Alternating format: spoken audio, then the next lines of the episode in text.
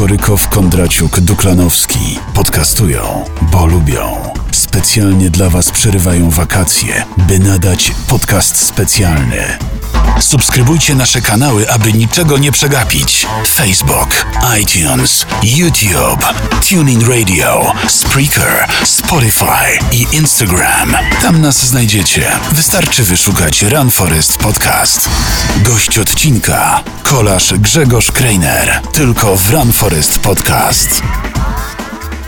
Zadzwonimy do Grzegorza Kreinera, A, ponieważ on dobrze, prawdopodobnie czeka na nasz telefon i porozmawiamy o sukcesach polskich kolarzy. Nie tylko o Michale mm, Kwiatkowskim, który fenomenalnie e, mm, rozegrał Tour de Pologne w tym roku. Również wspomnimy o e, kolarzach torowych. Sami oglądaliśmy wyścig punktowany, który wzbudził wśród naszych mastersów olbrzymie emocje. E, Oglądaliśmy Wojciecha Pszczolarskiego profesora Pszczołę, który faktycznie po profesorsku rozegrał, rozegrał wyścig i pokonał, zdeklasował, można powiedzieć, pozostałych rywali. Dzwonimy do Grzegorza Kreinera, niegdyś wybitnego polskiego kolarza torowego, medalisty Mistrzostw Europy, zwycięzcy Pucharu e, Świata w kolarstwie torowym. Halo? O, dzień dobry Grzegorz, dzień dobry. Słyszę podekscytowany głos, radosny, e, pewnie w związku z tym, że polscy kolarze odnoszą ogromne sukcesy w ostatnim tygodniu. No tak się składa, że właśnie sporo tych sukcesów kolarskich jest. Czyli w związku nie, w, zwi- w związku nie najlepiej się działo, a sukcesy e, kolarskie są. Czyli można powiedzieć, że to, co ja zawsze powtarzam, że ten związek chyba nie zawsze potrzebny jest tym sportowcom naszym. Warto by się też nad tym pochylić, zastanowić. E, I w przypadku Związku Kolarskiego chyba tak samo jest. Kolarze jakby nic sobie z tego nie robią. No to nie do końca tak jest, dlatego że jest to jakaś organizacja, która jest zrzeszona i żeby nie było, jeśli by nie było związku, musiała być inna federacja, z innej federacji musieliby być zgłoszeni. Nie do, nie do końca tak jest. Znaczy ja sobie zdaję sprawę, tak? Tylko mówię o tym, że jest bałagan w związku, a sukcesy kolarskie są. E, Więc e, sami zawodnicy i trenerzy dbają o to, e, żeby były sukcesy i czasami ten związek nie do końca jest im aż tak bardzo potrzebny. Ja wiem, że są formalne sprawy, które trzeba pozałatwiać, ale poza tym okazuje się, że, że nie jest to takie ważne. Grzegorz, chciałem zapytać o profesora Pszczołę, Wojciecha Pszczolarskiego, który wywołał w nas niesamowite emocje. My tutaj z mastersami na obozie w Rytrze, na którym jesteśmy, w Perle Południa, oglądaliśmy wszyscy razem wyczyn e, pszczoły, e, który w fenomenalny sposób, można powiedzieć, zdeklasował swoich rywali.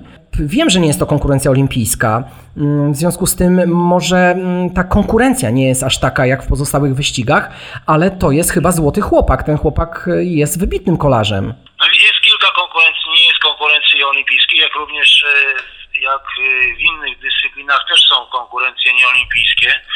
Niemniej jednak startowała doborowa stawka, e, szczególnie zawodników, którzy się ścigają e, na sześciodniówkach e, w zimę na torach, e, różnych torach. Więc Wojtek, to, tak jak powiedziałeś, zachował się po mistrzowsku i, i pokazał klasę. Niemniej jednak już odnosił on różnego rodzaju spektakularne sukcesy w konkurencjach. Mhm. E, Wiem, że przygotowuje się do wyścigu Madison, e, bo to jest konkurencja olimpijska i tam będzie walczył o kwalifikacje. Tak, już kwalifikacje się właśnie rozpoczęły tymi mistrzostwami i to jest pierwsza z iluś tam kwalifikacji. Kwalifikacje do Igrzysk Olimpijskich trwają dwa lata. Mistrzostwa kontynentalne, Puchary Świata plus Mistrzostwa Świata i tak przez dwa sezony. Czyli jest to nadzieja olimpijska, polska nadzieja olimpijska na medal, Twoim zdaniem.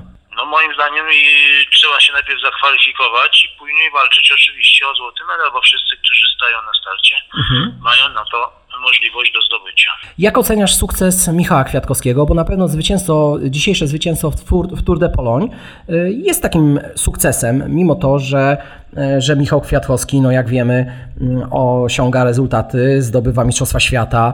Był trochę, widziałem, wzruszony tym.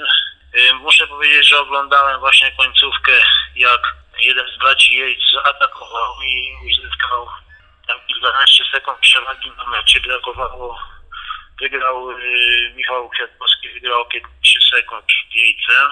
Także stoczył naprawdę dzisiaj zacięty bój przez ostatnie 30 kilometrów. Można powiedzieć, decydowało się to, czy on wygra, czy nie wygra. Miał kilku wspaniałych kolegów do pomocy, także ta praca zespołowa i końcówka, gdzie już został sam i musiał odpierać jeszcze ataki z, z zawodników, z którymi jechał razem w grupie. Oczywiście końcówka zaczął padać deszcz, także no na pewno widać było się cieszył, szczególnie właśnie, że w tym roku zbiega się kilka rocznic. To jest tam 25. rocznica Czesława Langa, który organizuje te tury, 75. Tour de Pologne, setna rocznica niepodległości, także no był wzruszony. E, wydaje mi się, że największym zwycięzcą Tour de Pologne jest Czesław Lang, sam Czesław Lang. Stworzył imprezę, której mogą pozazdrościć nam e, wielkie kolarskie potęgi. Tak mi się wydaje, że jest to impreza na miarę, na miarę światowej imprezy.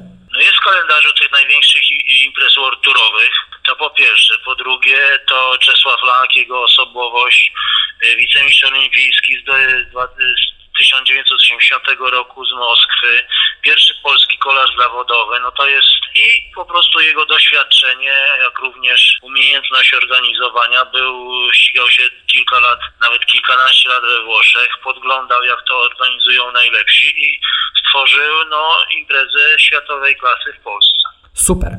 Grzegorz, bardzo Ci dziękujemy za rozmowę, o to, za to, że odebrałeś o tak późnej porze. E, trzymamy kciuki za naszych kolarzy i będziemy śledzić ich wyczyny. Trzymaj się, pozdrawiam, dobrej nocy życzymy. Również dziękuję za telefon i za pamięć. Dziękuję bardzo. Cześć. Ten program nie jest o nas, szanowni państwo, tylko o wspaniałych sportowcach, o, o, ludziach sportu, ludziach kultury i sportu. Długo by wymieniać, myślę, że poruszyliśmy wszystkie tematy i zaprosimy naszego gościa.